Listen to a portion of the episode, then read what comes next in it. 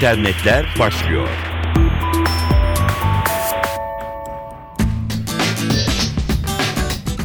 Merhabalar efendim. Dijital dünyanın gelişmelerini aktaracağız. Ben Dilara Eldaş. Türkiye'nin Avrupa Birliği Bakanlığı liderliğinde ve Microsoft Türkiye işbirliğinde hayata geçirilen bir proje var.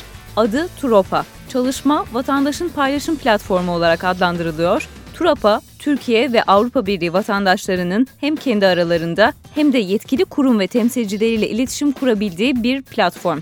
Devamlı olarak yeni konuların ele alınacağı ve halkın nabzının tutulacağı bu platformda sosyal medyanın gücüyle geniş katılımlı bir kamuoyu oluşturulması hedefleniyor. Avrupa Birliği Bakanı Egemen Bağış çalışmayla ilgili şunları söyledi. Avrupa Birliği sürecimizde Tropa projesiyle aynı anda birçok adımı birlikte atmış oluyoruz. Bu programla vatandaşlarımızın Avrupa Birliği süreci hakkında görüşleri, reformlar konusunda gördüğü eksiklikler, tavsiyeler artık aynı platformda buluşarak bizim çalışmalarımıza yön verecek diyor. Tropa, bireylerin sesini duyurmalarını ve olumlu olumsuz pek çok farklı düşüncenin seslendirilmesini sağlayacak güzel bir özelliği birbirinin dillerini anlamayan insanların çeviri yazılımları sayesinde doğrudan iletişim kurmalarını kolaylaştırıyor olması bilgisayardan, tabletten ve akıllı telefondan erişilebilecek ve interaktif olarak kullanılabilecek uygulama. Sosyal medya kısmına da vurgu yapılıyor. Kullanıcı sokakta gördüğü herhangi bir olayı anında cep telefonuyla sistem üzerinden paylaşabilecek.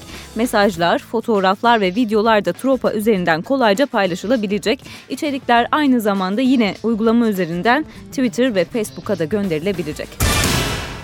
Teknoloji markalarının kendi ekosistemini yayma çabasında akla ilk gelen isimlerden biri Apple. Kendi işletim sistemi, kendi uygulama mağazası, kendi akıllı telefonları ve bilgisayarları. Tüm bunlar Apple'ın yeni geliştirdiği ürünlere de yansıyor. Ürünün kendine ait olduğuna dair patent başvuruları yapılıyor örneğin. İtirazlar noktasında da davalar açılıyor. Patent savaşlarına gidiliyor. Apple için son patent davası ile ilgili bir haber var. Çin'den geldi haber. Gerekçe Apple'ın Siri adlı uygulaması iPhone 4s'ten beri kullanılan Siri komut alabilen kişisel asistan programı Shanghai Zizhen adlı firma tarafından patent ihlali nedeniyle dava edildi.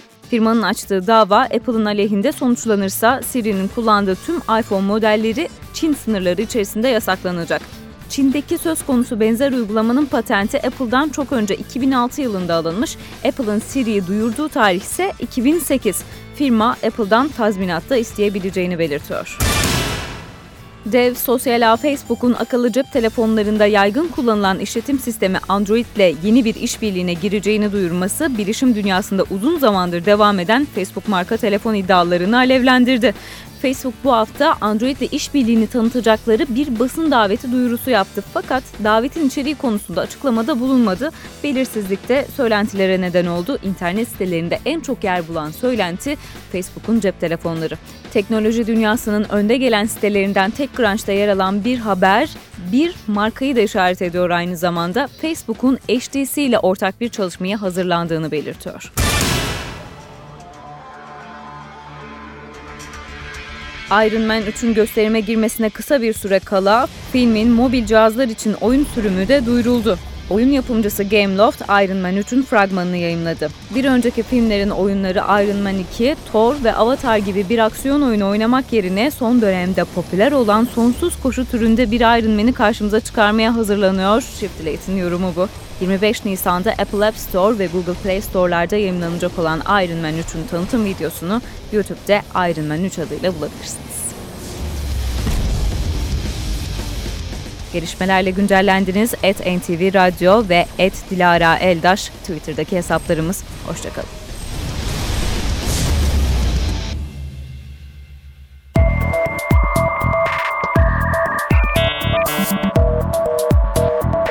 İnternetler sona erdi.